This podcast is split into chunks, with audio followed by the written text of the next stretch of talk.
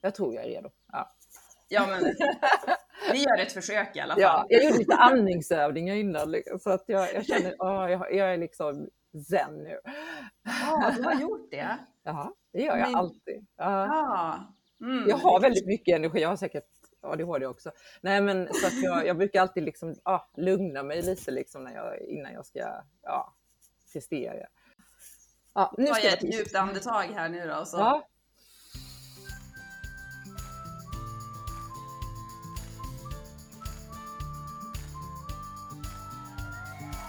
Låt dig smittas av glädje i podcasten som förgyller din dag. Välkommen till Glädjepodden med Sandra och gäster. I den här veckans avsnitt av Glädjepodden så ska vi få veta hur det är att leva med hjärtat i handen och nerverna utanpå. Men innan jag introducerar den här veckans gäst som är Anna Flodberg och har skrivit boken med samma titel som jag precis nämnde där, så ska jag också introducera Happy Week. Vissa kallar den här veckan för Black Week. I Glädjefabriken däremot så är det ju såklart Happy Week. Och det innebär att vi har 15% rabatt på glädje den här veckan. Så vill du exempelvis boka en glädjekonsultation med mig eller boka en biljett till Umeås gladaste företagare-finalen 2022 som är i januari så hittar du mer om det här i poddbeskrivningen. Eh, på Glimja, som är då en partner till Glädjepodden här nu under hösten och är ett e-handelsföretag inom hälsokost, så är det Green Week den här veckan. Och det innebär då att för varje beställning så planterar de tre träd. Och syftet med Green Week det är att man ska kunna byta ut sina konventionella- konventionella produkter. Inte bara då mat och hälsokostprodukter utan hudvårdsprodukter till exempel till naturliga och eh, rena och giftfria produkter. Och sen så har ju du också, du som lyssnar, 15% rabatt på ditt nästa köp med koden Glädjepodden med stora bokstäver. Så det här hittar du också i poddbeskrivningen. Där hittar du också mina kontaktuppgifter och kontaktuppgifter till gästen. Så med det sagt, välkommen till Glädjepodden Anna. tack snälla. Känns jätte, jättekul att vara Ja, med i din podd. jag tycker också att det känns jätteroligt. Vi har ju hunnit prata lite grann innan här och eh, jag har fått, eh, ja men jag känner jättebra energi från dig. Jag känner mig redan glädjeboostad. Detsamma säger jag. Det känns ja, otroligt eh, härlig energi här känner jag också. Så det är det du, har, du som lyssnar har att vänta. Du ska få, vi ska bjuda dig på härlig energi. Precis, Ja. absolut. Lite allvar kanske också, men det är väl en härlig kombination. Mm. Absolut, kontrast är, är bra. Mm. Men jag tänkte börja kolla läget med dig Anna. Ja. Om eh, du- ja. Eh, nej men jag tänkte så här, en lite rolig fråga bara. Om du utifrån dagsläget skulle välja en emoji som du är just nu. Oj, vad kul fråga. Eh, ja, men det är nog lite så här. Den där som, som ser lite vimsig ut. Ja, den som har, eh, jag såg ju nu, du som lyssnar fick inte se den där fantastiska bilden, men jag tolkar det som att du är den här som har eh, tungan hänger ut ur munnen Ja. och så har den som ena ögat är stort och det andra litet. Ja, Lite exakt den. Ja, lite så känner jag mig idag. men det är underbart. Så det kan gå hur som helst.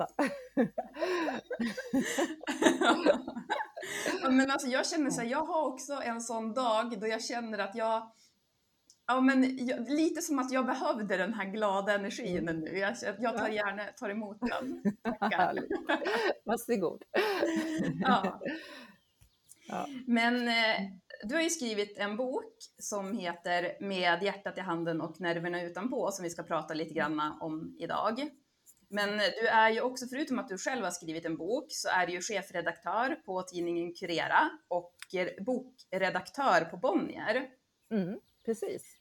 Så jag tar som, drar slutsatsen att du gillar skrivande och läsande. Ja, det gör jag verkligen. Det har jag ju gjort sedan, jag kan inte minnas nästan när jag började skriva dagbok. Det var nog säkert när jag lärde mig skriva.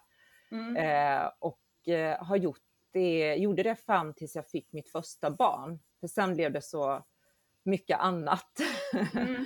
att göra. Så att, eh, men det har jag gjort och varit väldigt, eh, alltså skrivit väldigt regelbundet och, och det är otroligt kul att, att gå tillbaka till dem idag och se vad man, ja, hur man för det var mycket tankar och sådär. Eh, hur jag mådde och, ja, och allt jag gjorde. Jag bodde ju i USA ett år, jag bodde i London i ett år. Så det, det är jättekul att gå tillbaka och, och, och läsa om allt man har gjort. Att, Har eh, du kvar det- allting? Ja, det har jag. Ja. Det är en låda i garaget nu så att jag vet inte riktigt.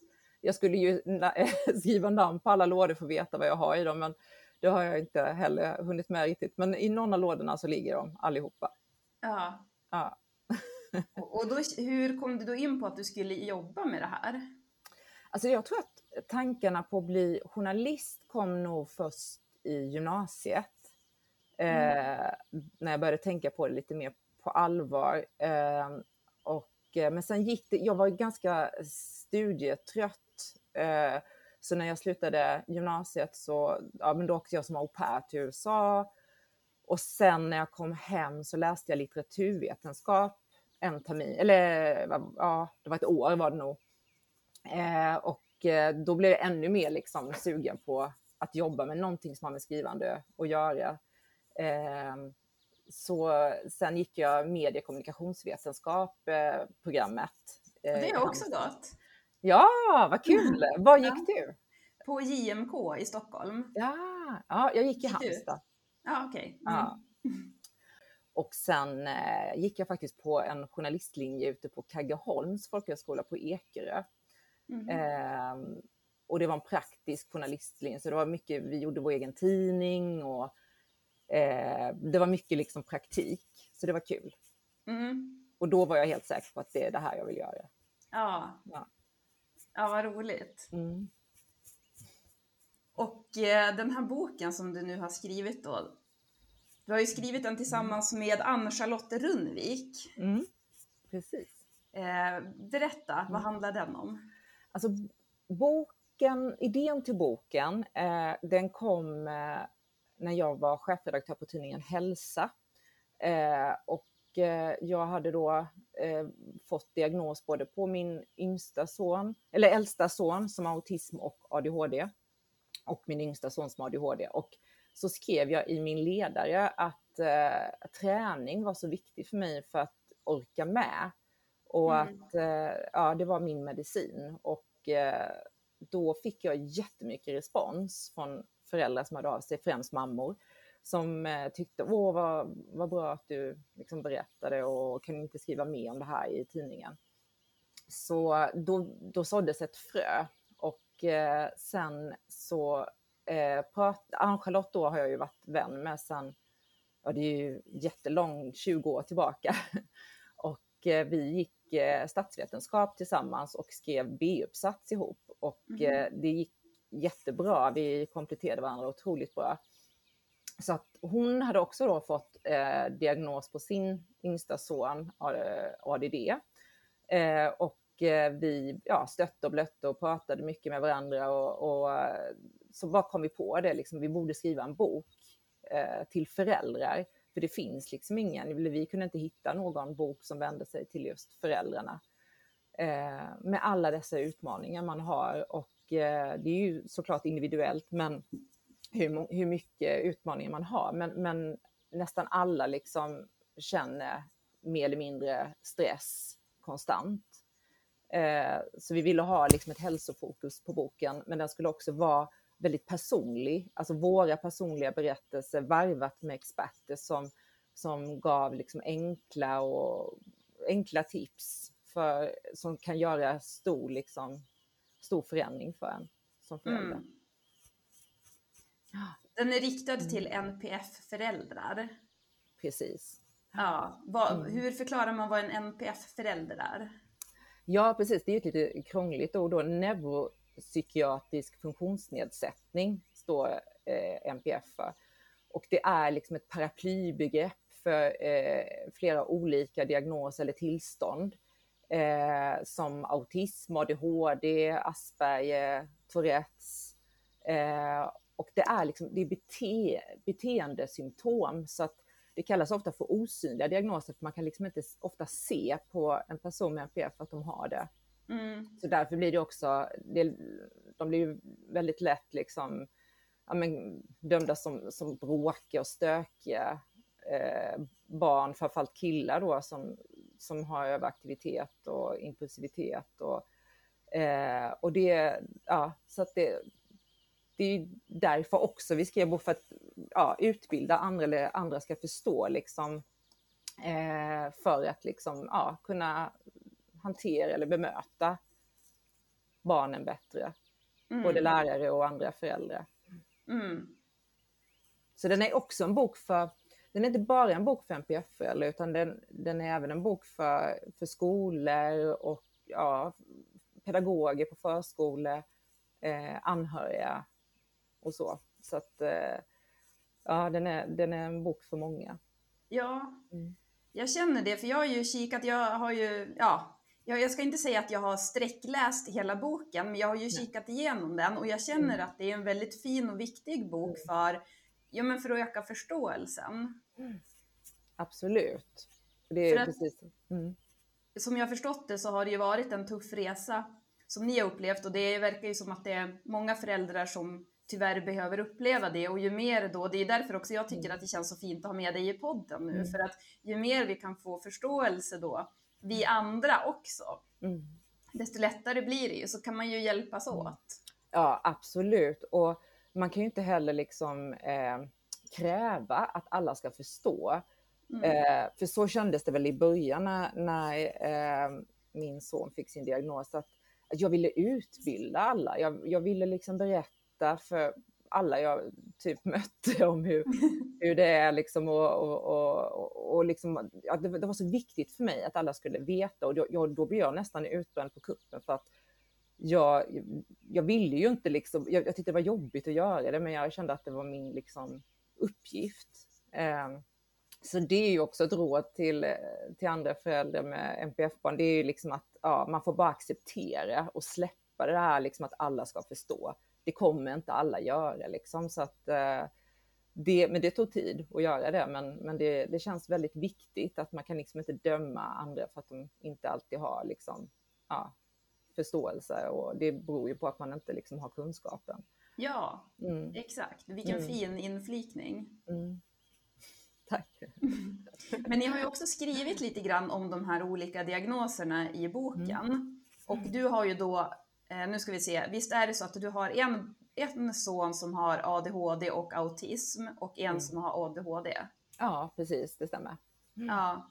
Eh, vi- vill du berätta lite kort om de här olika diagnoserna? Eller du kan ju i alla Mm. fall, åtminstone de, tänker jag, autism och Mm. ADHD, för visst är det de som är Mm. vanligast? Ja, det är det. det. De är de vanligaste bland NPF-diagnoser och eh, ADHD är ju, då har man ju svårigheter med impulsivitet, med, med uppmärksamhet och eh, överaktivitet. Det är de tre liksom, kriterierna. Eh, och det, ADD är ju samma fast utan överaktiviteten. Mhm. Eh, Så när man, har, när man har ADHD så är det ju det är väldigt svårt att hantera när man får en impuls att man vill göra något så gör man bara det utan att alltså, tänka eh, och vara steget före utan det bara händer. Och eh, det är svårt att sitta still, det, det är svårt liksom att, man kan vara väldigt bra på att fokusera på något man är intresserad av. Men är man inte intresserad, ja, men då, då går det liksom inte att, att koncentrera sig på det. Då släpper man det. Mm. Och när man har autism så är det ju mer eh, svårigheter med, med kommunikation. Eh, det här sociala koder som vi liksom föds med att veta hur man ska bete sig i olika sammanhang. Och det, redan i sandlådan när man vill leka med någon och hur man gör då. Det kommer liksom naturligt, men det gör det inte när man har autism. Så att då kan det vara att, ja, men som min son kunde liksom slå en spade i huvudet på det andra barnet då för att få uppmärksamhet och att ska vi leka? Men, och, och så stod föräldrarna där och, och, och tittade och tyckte, gud vad gör det där barnet? Liksom. Och, och, och tittade på mig som förälder också, vad, vad är det här liksom? Eh, Mm. och eh, ja men det är ju det här, liksom. det, sociala koder är ju, ja men det kan vara kallprat, prata om vädret, sånt där. som vi gör bara utan att tänka på det, det måste man lära sig när man har autism. Och Mm. det, man, man eh, tolkar ju ofta någon bokstavligen också. Eller avläser bokstavligen som om jag skulle säga, kan du öppna fönstret? Ja, säger kanske den personen då, för den kan, ja, den kan öppna fönstret, men jag har Mm. inte bett personen att öppna fönstret. Så att det, det är ju inte alltid det så. En del kan läs, läsa av och så, men det kan vara ett problem att göra det så att man man får tänka liksom väldigt mycket på vad, hur man pratar. Det har vi ju fått liksom lära oss eh, som föräldrar då, hur vi ska liksom bemöta vår son. Ja. Så att, eh, och sen, ja, eh, ja det är de, precis, det är de tre diagnoserna som eh, är vanligast och hur, ja, hur Men hur bemöter man då människor som har ADHD och autism på bästa sätt? För att ska man Mm. då säga, om vi säger att ett barn till exempel får feeling och bara slår någon i huvudet Mm. eller gör någonting sådär impulsivt. Mm. Ska man säga då att det är fel eller hur bemöter man det? Ja, men absolut, man måste ju såklart säga till när något är fel. Sen kan man ju göra det på olika sätt. Eh, Mm. Och det, jag tror att det handlar väldigt mycket om, och som man också fått öva på väldigt mycket, det här att behålla lugnet. Mm. Eh, och vara liksom, inte hamna i affekt, för det blir ju aldrig bra. Liksom. Det, men det är lätt eh, att säga eh, och sen är det en annan sak när man, när man är mitt eh, ja, i mycket stress och, och, och barnen bråkar och, och håller på så, så är det lätt att man, man, ja, man kan ju inte alltid liksom göra rätt. Men eh, bemötande mer ju, men till exempel i skolan, så är det ju bra om en lärare kan eh, ha en individuell liksom, plan för barnet. Eh, och, eh, vad, för alla har ju olika liksom, behov och det kanske är att, att man får sitta avskilt och lösa uppgifter. Man kanske får ha hörlurar med brusreducering eller man får sitta i mindre, dela upp liksom klassen i mindre grupper. För det är bra för alla, de här sakerna. ju- Alltså det, det är bara det att ja, skolan är så fyrkantig fortfarande. Mm. Ja. Passar man inte in i den formen och kan sitta still och, och, och, ja, och är på det sätt man förväntas vara så, så blir man ju väldigt avvikande. Och eh, ja, det är ju jättejobbigt för de här barnen att känna att de inte eh, hör hemma där liksom att, och alltid få höra att de gör fel. Mm. Det påverkar ju liksom en, hela livet sen att man känner att man inte är rätt. ja.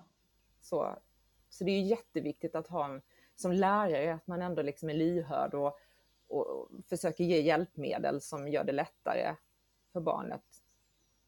Men hur hanterar man då den här äh, hyperaktiviteten, barn som inte kan sitta stilla? Som Ja, det- lärare till exempel.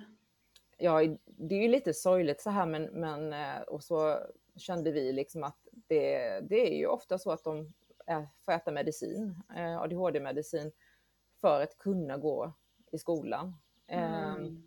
Vilket det känns väldigt, ja det känns ju väldigt sorgligt tycker jag, för Ja. eh, hade man gjort rätt anpassningar så hade man inte behövt äta medicin. Och, eh, ja, det kanske en del behöver ändå, men, men det hade varit betydligt liksom, eh, enklare för barnet att, ja, att klara av skolan liksom, om man gjorde anpassningar. Jag blir också lite ledsen att man ska behöva äta medicin för att Mm. passa in. Mm. Ja, Absolut, och det har ju väldigt, det är ju biverkningar med medicinen också. Ja. Man tappar matlust, eh, man är, får personlighetsförändringar, man är inte sig själv riktigt. Som vår son med ADHD är ju jättesprallig och glad kille, men när han äter medicin blir han väldigt lågmäld och Mm. eh, inåtvänd. Mm. Och sån är han ju inte egentligen, så det, det är också så här, ja, det känns inte så bra. Nej. Men han behöver liksom det för att klara av skolan. Ja, äter dina barn medicin nu för att klara av skolan? Eh, Min eh, yngsta gör det, eh, Mm. inte min äldsta. Han, han har egentligen mer alltså, autism än ADHD. Mm. Så att han, jag, jag, han, är, han har lättare för att fokusera och koncentrera sig. Sen så går han också, eller båda går faktiskt på specialskola. Men min äldsta då har gått sen eh, förs, eh, förskoleklass, har han gått på samma skola. Och det är jag så liksom, tacksam för idag. För att, eh, det är så lätt att bli utanför när man, liksom, ja, när man är lite annorlunda. Ja. Eh, så det var väldigt svårt val. Ska han gå i en vanlig skola eller ska han gå liksom på en specialskola? Ja, ja, det var, jag funderade väldigt mycket på det.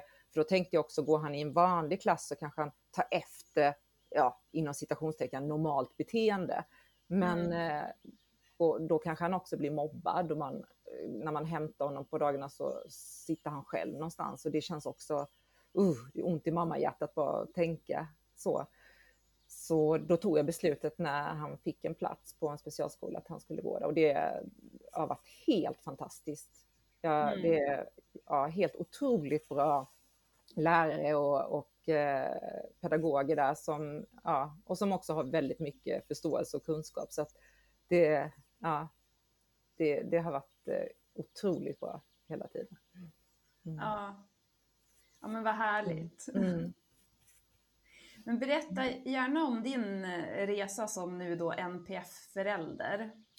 Ja, den har ju varit ganska lång då, så att jag, jag får försöka sammanfatta. Resan har ju varit som ja, en berg och dalbana. Eh, det är ju liksom ett, ett liv med extra allt. Eh, och man vet aldrig från en dag till nästa hur, hur den ska se ut.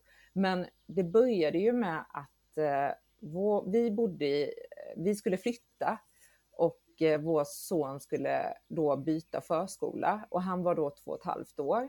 Och då ville de eh, flagga, liksom säga att eh, det är några saker som inte riktigt stämmer eller som, som är lite avvikande med son. Ehm, eh, de hade inte tänkt att berätta det för att de hade tänkt att liksom ha lite mer liksom, tid för honom Eh, i nästa termin. Men, men, men eftersom vi skulle flytta då så ville de berätta. Eh, och då sa de att han, eh, ja, men han hade svårt för förändringar och, och, och gå från ett rum till ett annat rum det inte varit så blev han jätterädd och ovanligt rädd och rädd för höga ljud och hade svårt att kommunicera med de andra barnen.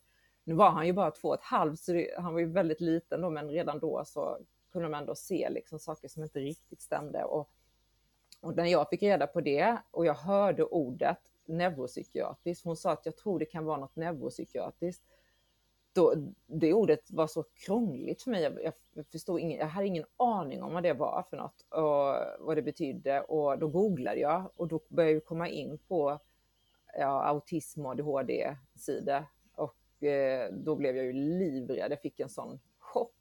För jag, hade liksom, jag förknippade autism med, med, med Rain Man, alltså Dustin Hoffmans rollkaraktär i, i Rain Man som eh, där han rabblade telefonkatalogen utan till och ja, inte ville bli vidrörd och sådär. Eh, och det stämde ju inte på, på vårt barn. Men, men eh, ja, sen läste jag ju på och förstod liksom att det var väldigt mycket som stämde. Och eh, den tiden var väldigt jobbig, för det, då var det ändå så att man ena dagen kände så att nej, men allt är nog det som det ska liksom. Och man frågade kompisar som hade barn och de sa ja, ja, men så gör mitt barn med. Sen nästa dag så, oj, det är lite konstigt, varför sitter han och stirrar på tvättmaskinen i två timmar? Det tyckte man var lite, lite konstigt. Och sen när han fick en trehjuling i födelsedagspresent så vände han på den direkt och, började, och stod bara och snurrade på hjulen.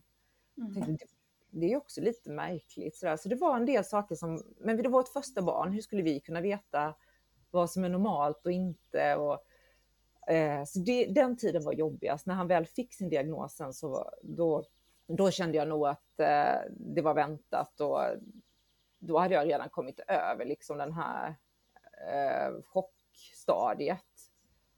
Så att det var, Mm.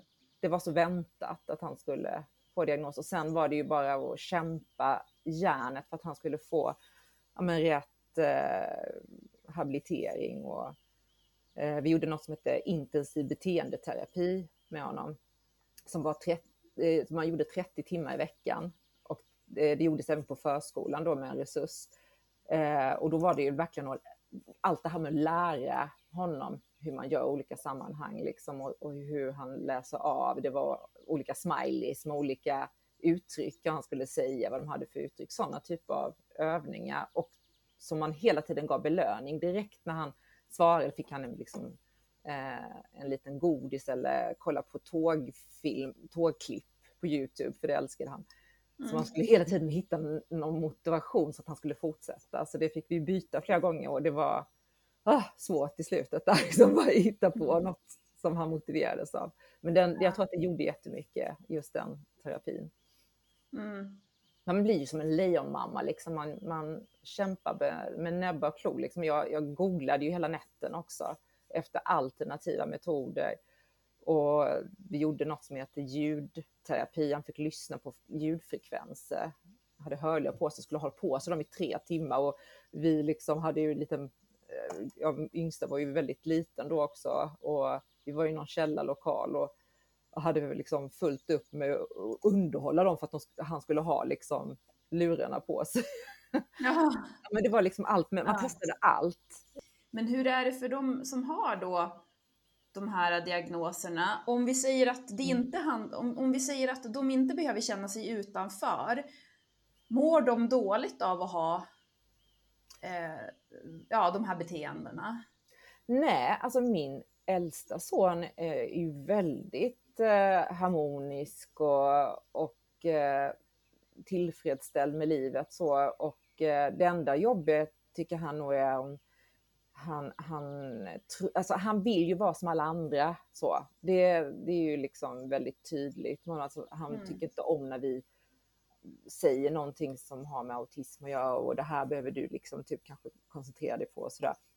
Då tycker han eh, det är jobbigt för han vill liksom, eh, han vill vara som alla andra. Så, eh, och även min yngsta kan också ibland känna att, ah, att han, är, han blir arg, trött på sig själv, att han inte kan liksom hejda sig och, och att han kan till och med säga liksom, han säger alltid förlåt när han säger om det blir lite fula ord ibland och så, så kommer han alltid sen och säger förlåt.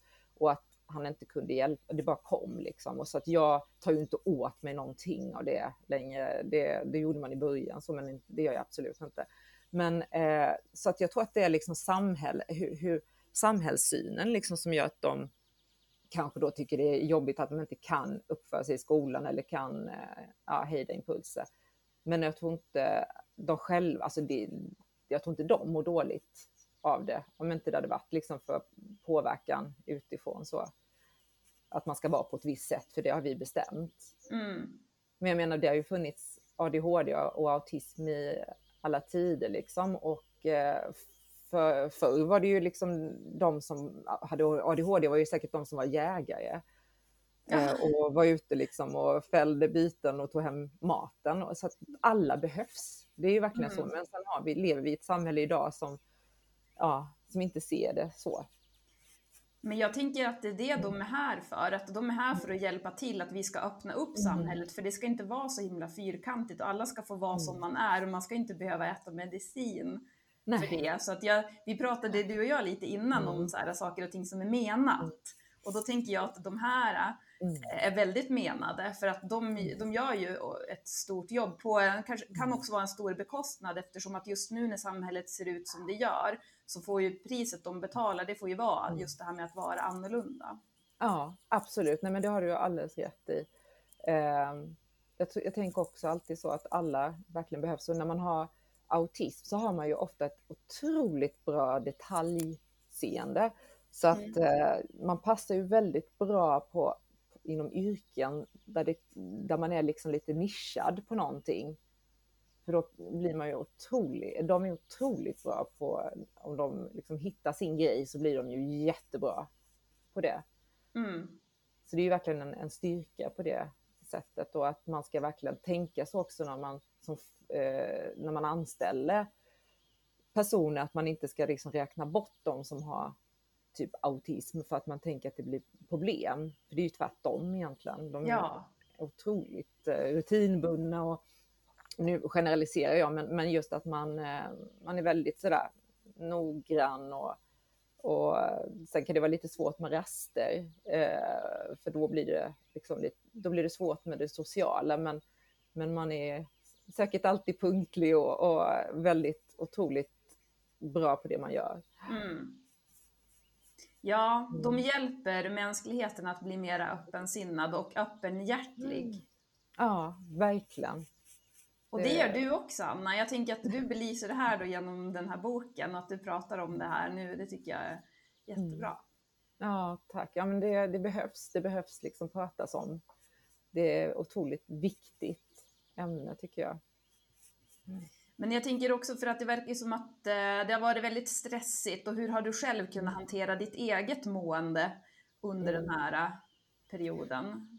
Ja, alltså jag har ju pendlat så här mellan att nästan bli utmattad, eller jag har varit lite utmattad också under perioder eh, innan jag liksom lärde mig att, hitta en balans. För jag har faktiskt gjort det liksom idag. Eh, och det har liksom, jag får träna mycket på det, men, men just att hitta de här små stunderna varje dag. Alltså det kan vara en minut när jag på, på jobbet och gå in liksom och andas på, på toan. Liksom. Det, det har jag mm. gjort flera gånger. Eh, och eh, lite sådär också och tänka på sig själv. För det blir ju ofta så när man har barn med, med NPF så, så blir det lite att man lever genom dem. Liksom. Är de ledsna, då är man själv ledsen. Är de eh, problem i skolan så ja, men man, man, är, man är liksom i deras eh, person hela tiden och eh, man glömmer bort sig själv det har jag också liksom bestämt att nej, men jag ska ha min egen tid. Jag ska unna mig saker. Jag, går på massage ofta.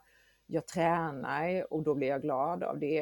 Eh, jag går ut med hundarna, långa promenader i skogen och det är helt fantastiskt. Jag älskar de promenaderna. Mm. Eh, så varje dag är liksom lite tid för mig själv, men det behöver inte vara något stort. Men lite egen tid så några gånger per dag, liksom, bara jag fokuserar på mig själv. Mm. Det har nog gjort att jag har liksom lyckats eh, att hålla den här balansen som är otroligt svårt. För att, vad är det, över 60 procent är sjukskrivna för utmattning som ja. har barn med NPF. Mm. Och det är många också som är ensamstående. Så ja. det är otroligt tufft för dem som själv har egen liksom, vårdnad om barnen och, och själv är liksom, totalt eh, ut, eller, ja, utmattad och, och, och, man ska samtidigt ändå kriga för sina barns rättigheter och, och eh, ja, betala maten och hyran. Mm. Så ni lågt men... alla dem. Mm. Ja, för jag tänker att det, det, det känns ändå som att barnen behöver, det är ju att ha en stabil förälder och därför så är det ju också väldigt då, för som du sa där att är de ledsen så blir du ledsen och sådär. De behöver ju någonstans ändå att du inte följer med i deras eh, mm. humör utan att du kan vara så stabil som möjligt. Och sen förstår jag att det är svårt att stå emot. Mm. Eller jag förstår ju ingenting för jag mm. kan ju inte alls relatera till det här. Men jag kan föreställa mig att det är det. Men jag tänker ändå Välmående. Och för alla föräldrar är det ju det egentligen. Mm. Alltså, eller så att man ska tänka på det. För det är, det är ju även barn som inte har NPF. Liksom det är lätt att man, har, ja, man dras med liksom i deras mående såklart. Och det är ju helt naturligt. Men, men det blir lite, just med, med att ha barn med NPF så blir det lite så att man blir nästan lite medberoende. Eller man riskerar mm. liksom att, att man är NPF-mamman. Man är inte Anna, liksom, utan man, man sätter den epiteten på sig. Liksom, att man, det är det man är och inte något annat. Ja. och det är lite farligt så. Och det är därför man, man behöver liksom, ja, man behöver tänka på sig själv och sin egen hälsa. För att, ja men det är ju lite klyschigt att säga, men det är det här med själv, att man ska ta på sig syrgasmasken själv innan man tar på dem på barnen. Och det, det är ju verkligen sant. Ja. För mår man inte bra, och då, då, kan man ju inte ta hand om sina barn. Så att, eh, det är otroligt viktigt. Ja, exakt. Och det där mm. gäller ju faktiskt alla. Mm. Att mår man själv inte bra så då har man ju ingenting att ge heller. Nej, Men det är precis. inte alltid lätt att hålla den balansen så det får man ju också vara ödmjuk med. Men ja. jag, tycker, jag gillar verkligen att du tar upp det i boken mm. och att du pratar om det och hur viktigt det är. Mm. Precis, och sen jag har ju också jobbat, varit ansiktet utåt för hälsotidningar. Mm. Där jag liksom förväntas vara den där checka, liksom spottiga, glada typen. Och sen kommer man hem och, och bara liksom, ja, eh, somna i soffan liksom av, av utmattning. Så har det ju varit för mig mycket, att jag har liksom haft den här fasaden. Eh, och sen har jag liksom fått ja, komma hem och bara ramla ihop i en hög. Men samtidigt så är jag också otroligt tacksam för det jobb jag har, för att jag älskar ju det. Mm. Hade jag haft ett jobb jag inte tyckte om eller vantrivdes på så hade ju allt varit så mycket värre. Liksom. Jag, jag har ju världens roligaste jobb så att jag, jag är bara tacksam för det. Jättetacksam. Mm. För det har hjälpt mig jättemycket också. Ja. Mm. Ja, ni tar ju också upp det här med att ni har blivit missförstådd och eh, även så tar ni upp retorik. Hur man kan använda Mm. retoriken för Mm. att bemöta då sådana som Mm. missförstår en eller förminskar Mm. eh, som jag uppfattar det som att Mm. ni har kunnat känna ibland. Mm. Du berättar lite om det. Ja, i boken så är det faktiskt Elaine Eksvärd som, som kommer med många bra tips just med hur man ska bemöta skola och, och ja, andra föräldrar. Och, och eh, hon säger ju det just att man ska få, om det är någon som, alltså det är mycket härskarteknik Mm. eh, här då och, och speciellt kan det vara så i skolan, man sitter där själv mitt emot kanske rektorn och, och tre pedagoger. Liksom, så att eh, man, man kan känna sig väldigt ensam då. Och, eh, men det man kan göra är ju att ställa en motfråga. Liksom, där, men hur menar du nu? Eh, vad hände här? Liksom, så man får en, be dem förklara vad de menar när de har sagt något olämpligt. Och sen är det bra liksom, att utgå från känslor. Jag, det gör mig ledsen när du säger så. Eh, för det är ju svårt att, att säga emot det. Det kan, det kan man ju inte. Det, är, det är ju väldigt bra liksom, eh, att säga det och vara väldigt öppen med det. Så här mår jag när du säger så. Eh, men det är också väldigt svårt det där. Liksom. Ibland kan det vara bra vid ett möte att man tar med sig någon. Att man har med sig en, en stödperson som kanske också ställer följdfrågor och, och, kanske, och lyssnar. Det kanske är svårt att lyssna och komma ihåg och så när man är, sitter där också ganska upprörd kanske eller ja, känner sig eh, förtvivlad så, så är det bra att ha med en person som kan vara eh, ens talesperson så och stötta en i samtalet. Mm. Ja, det är nog. Alltså det finns ju jättemycket mer tips där, men, men jag tror att det är bra att utgå från sina känslor. Ja, Vi är ju bara människor. exakt. Mm. Och det som du säger, det är ju ingen som kan säga emot det. Nej, Nej, du är inte ledsen kan man ju inte säga. nej, nej, exakt. Så det är väldigt bra. Det är bra i många sammanhang eh, överlag och faktiskt säga så när man känner så. Det tror jag är det bästa faktiskt. Och sen har jag ju alltid också varit väldigt, jag har alltid varit väldigt öppen med eh, att jag har barn med, med NPF-diagnoser eh, gentemot andra föräldrar. Om det till exempel i lekparken, om det har varit någon incident så har jag förklarat. Eh, och det kanske man inte alltid orkar göra så, men, men eh, ibland så, jag tycker det har liksom hjälpt väldigt mycket att göra det. Att man har fått en bättre förståelse och så känner jag samtidigt att de har lärt sig någonting på det. För man Ja. har ju varit utsatt för det och man har känt väldigt mycket skam och skuldkänsla.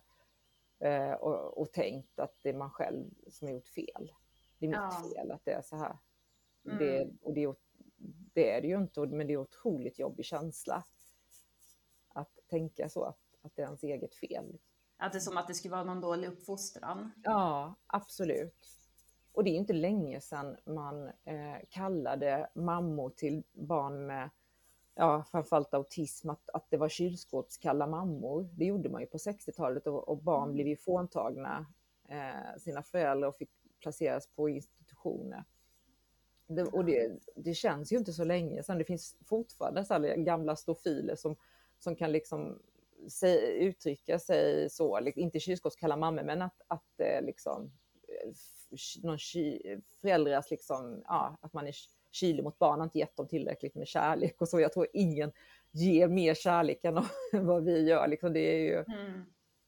det, det är ju så fel, men det är hemskt när en sån person får uttala sig. Och det har jag sett liksom, i loka, eller, ja, lokala eh, tv-kanaler och så, där man får Mm. säga vad man tycker och tänker. Eh, och det är lite skrämmande faktiskt. Ja. Ja, vad sjukt. Mm. Har du något tips till, ja men till, eh, vad ska man säga, till lärare eller till andra föräldrar, hur man bemöter er föräldrar Mm. och även barnen. Ja, alltså som lärare då som jag sa tidigare så är det ju, tycker jag att, att det är bra att de eh, Ja men ge, att, att låta barnet då få eh, vara med och bestämma beslut och få, och få liksom också en individuell plan. Liksom att man, man är mer tillmötesgående med barn. För att ofta är det ju så att, att man eh, får höra allt man gör fel hela Mm. dagarna på skolan eller förskolan. Och så kommer man hem och så säger föräldrarna allt man gör fel och så är det det enda man får höra hela tiden. Så det är ju också ett bra råd. Alltså man försöker fokusera på det som är bra istället. Det, det är så mycket bättre att göra det för att barn, de här barnen vet att de har gjort fel. De behöver inte höra det hela tiden. Eh, och jag vet när jag hämtade min, eh, ja, båda mina barn hade varit så när jag hämtat dem på förskolan, att i grinden när man är på väg in och man är så himla glad att man ska få träffa sina barn, så, får, så kommer en pedagog fram och säger, ja det här hände idag och räkna upp allt som hände och då förväntas man säga till sitt barn det första man gör Aha. när de står där och lyssnar. Och det, åh, det, det, det tyckte jag var så himla jobbigt. Eh, för det, jag vill ju bara krama om dem och liksom Ja. säga, åh, jag hade varit i skolan idag. Istället ska man liksom, åh, varför gjorde du så? Liksom. Ja, det var, jag, jag, jag tror att vi tog ett samtal om det, både på skola och förskola och sen och sa att vi vill inte ha liksom, den diskussionen där och då, utan det får man ta i telefon i så fall. För att eh, jag, vill, ja, jag tyckte det var jobbigt faktiskt, jättejobbigt. Mm. Jag blir imponerad av dig. Jag tycker så här, gud vad du har som så här, och så har du som ändå gjort allting med, det känns som ändå lätt lätthet på något sätt. Jag känner Mm. inte den här tunga känslan om du förstår, utan det känns som att du ändå har så mycket förståelse också Mm. för, för andra och du försöker se till att må bra och alltså, det är Mm. som inte som att du för du skrev också lite om det i boken, hur mycket det här faktiskt har gett dig som människa att ha de här barnen. Och det tycker jag också så här, vad fint. Mm. Absolut, det, de har ju gett mig jättemycket. Ibland så, så kan jag känna ja, nu i intervjuer så efter att boken släppts, att jag känner att jag bara pratar, att det känns så negativt att jag säger allt som är svårt och jobbigt och, och så fel, inte fel, men, men sånt som är ja, tufft med att ha barn med NPF. Men det är ju också någonting som man utvecklas ju otroligt mycket på det personliga planet. Eh, jag har ju liksom verkligen verkligen lärt mig liksom att ha tålamod och inte döma andra människor så lätt. Eh, och jag alltså fångar de här små stunderna.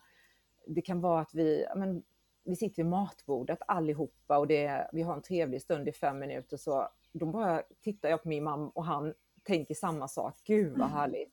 Och så, Mm. så, så, det är ju liksom något andra kanske tar för givet. Så här Mm. har vi alltid det.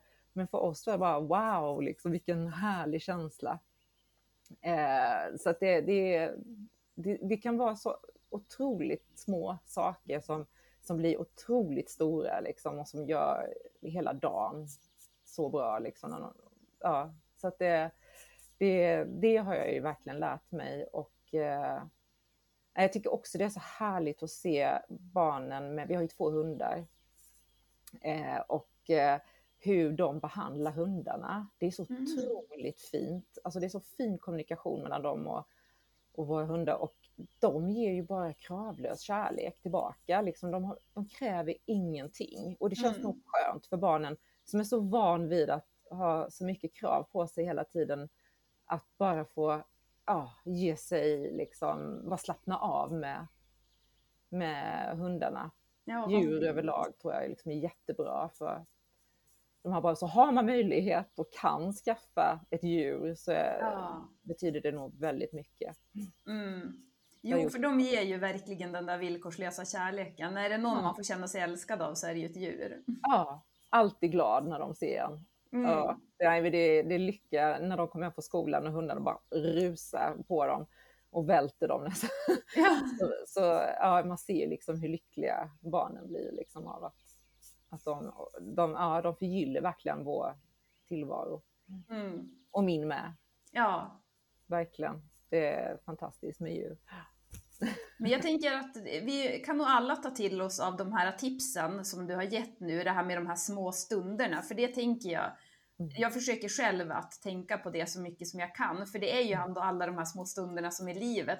Och jag tycker Mm. livet blir så tråkigt om man missar att till exempel stanna och titta, att man kollar, åh nu glittrar det i snön, eller du vet, sådana där små saker. Det blir som bara vardag då, och så vill man ju inte leva.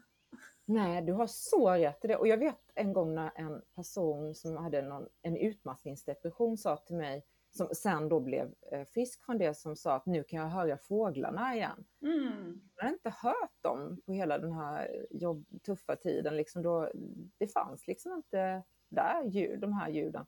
Mm. Eh, och det tänker jag ofta på när jag är ute och går med, med hundarna. Att jag, men jag lyssnar väldigt mycket på hur det låter liksom i skogen och, och man hör något vatten rinna. Och, ja, men det, det är häftigt. Igår när vi var ute och, och gick så började det snöa. Och eh, det var också alltså, helt magiskt. Mm. Det, när du vet, föll så där långsamt. Och, Ja. ja, det var så, så vackert. Mm. Och då, då blev jag också så helt uppfylld av det och jätteglad hela dagen sen. Liksom, för att det, det gav så mycket energi att känna det, den känslan. Ja. Ja. Och så är det lite befriande att tänka också så här att man inte ska ha en förväntan av att man ska gå omkring hela dagen och så ska man jaga efter en så ständig lycka, att man alltid ska vara glad och det alltid ska vara så bra. Men utan att man istället som just tar de här små stunderna. Just nu så sätter jag mig och bara Mm. tar en minuts meditation eller andning som du pratade om.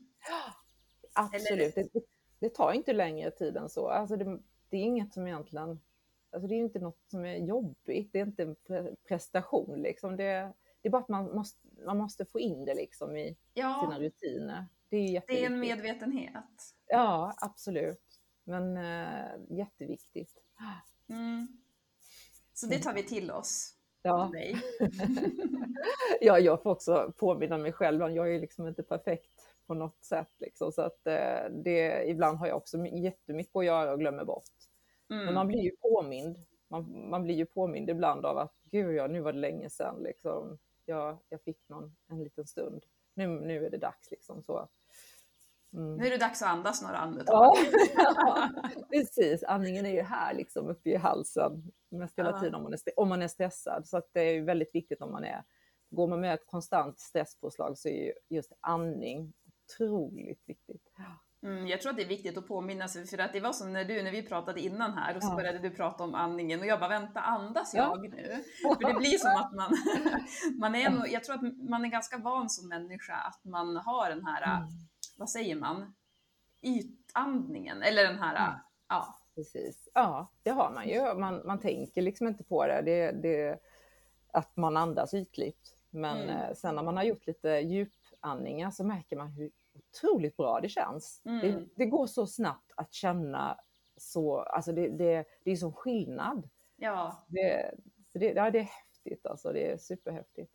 Men en annan sak jag kom på också som jag, mm, som är också en, en liten småsak så som får mig att må bra, det är jag lyssnar ju väldigt mycket på poddar och på poddar som jag blir glad av att lyssna på. mm. Eh, och det, som, jag ibland skrattar rakt ut också när jag lyssnar på. Så för att, eh, och det ger också, tycker jag, jättemycket.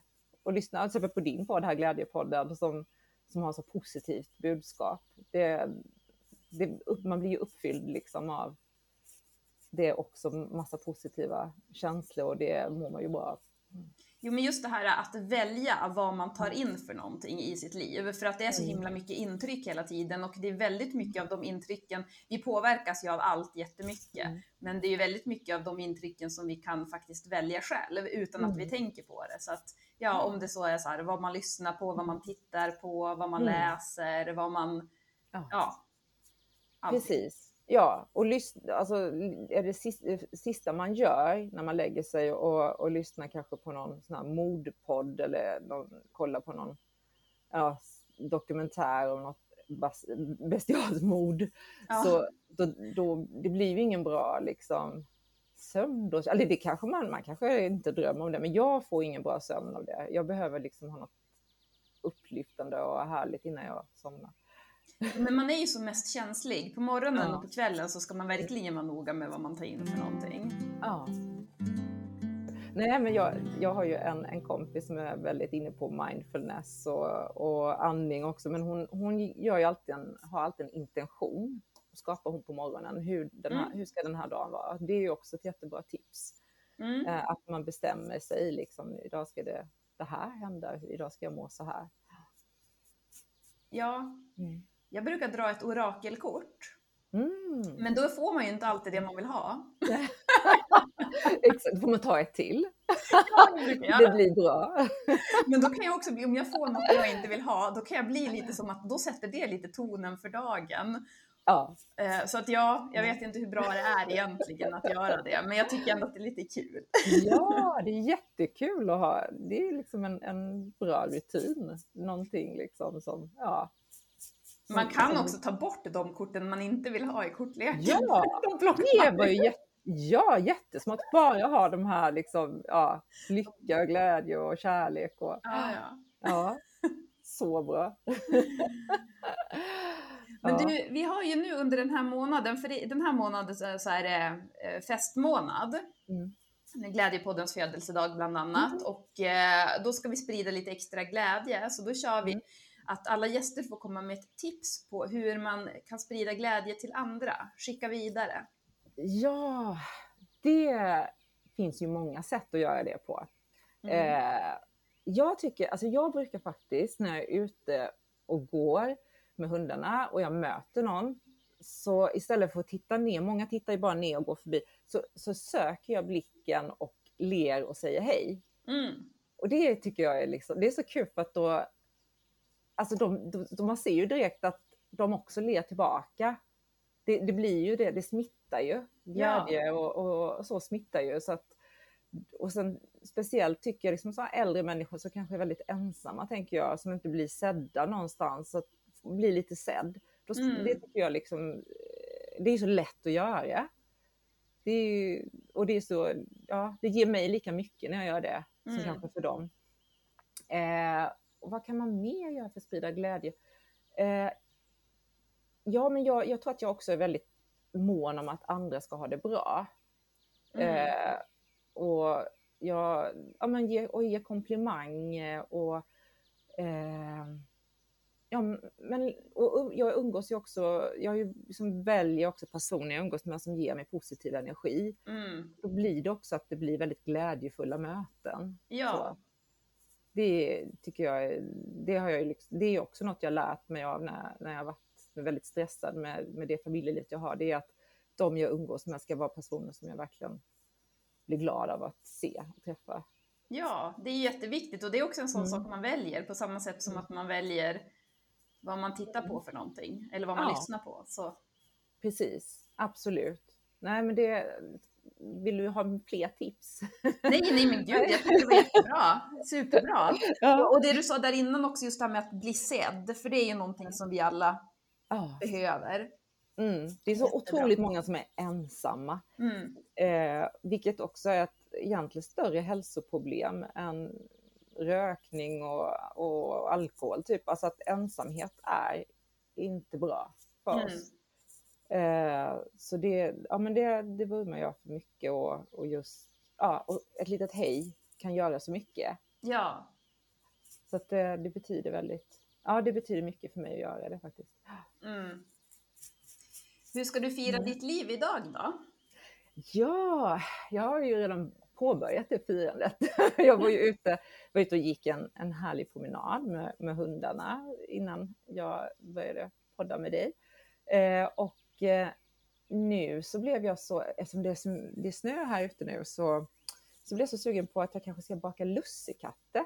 Ja, Fira med lussekatter idag, för det Ja. känns som det får man nu. Nu är det Ja. liksom tillräckligt nära jul. Ja. Det är första advent nästa. Och eh, ja, så att jag ska fira mitt, mitt eh, liv med att baka och eh, ja, bara slappa idag. Bara Mm. Inte ställa några krav på mig själv. Bara ha en skön avslappnad dag. Det ska jag fira min dag med. det låter jättehärligt. Nu när vi Ja. spelar in så är det ju söndag och det känns ju verkligen som en slappardag. Ja, precis. Det hade ju inte sett ut så här om det var en måndag eller onsdag kan jag ju säga. Ja. då hade jag ju inte, då hade jag fått ja, sitta med laptopen i knät och jobba. Ja. Men det är också något jag har valt ju och eh, jobbar ju hemifrån. Mm. För att det är också ett sätt att minska på stressen. Det innebär liksom att sitta i öppet landskap eller pendla och sådär. ja. Så det har gett mig också jättemycket och att, kunna sitta här hemma med hundarna runt omkring mig och, och jobba. Ja. Ja, Jättebra. men alltså vet, jag gillar, jag gillar Mm. ditt, din, eh, din, din livstaktik. Du, Ja. du känner efter och ser vad, vad som passar dig och hur du kan Ja. göra det på bästa sätt och så ja. gör du det. Och så ska Och det är ju inte alla som ja, Nej, det är ju inte alla som kan. Alltså, det, känns lite, det är ju väldigt lyxigt att kunna göra Mm. så. Så att det, jag är väldigt tacksam för att det funkar. precis. Men man, då får man titta över sitt liv så här, hur mycket, för på vissa sätt kan man ju faktiskt Mm. påverka och där man kan påverka, hur vill man ha det där? Så kan Mm. man ju tänka. Absolut, helt rätt. Men jag tänker också att jag, jag ska passa på att säga det nu, den här boken då som ni har skrivit, att den är ju väldigt fin och lättläst och eh, ja, ändå innehållsrik. Så att eh, den rekommenderas. Absolut, och den finns ju överallt där böcker säljs. ja, Eh, och eh, ja, precis. Så den är ju lätt att få tag på. Man kan läsa den som e-bok också. ja. Jag, jag, lägger, jag lägger någonting i poddbeskrivningen så man kan Mm. kolla upp den om man är intresserad. Ja, jätte... Och vi, ja, jag lottar ju ut tre ex också.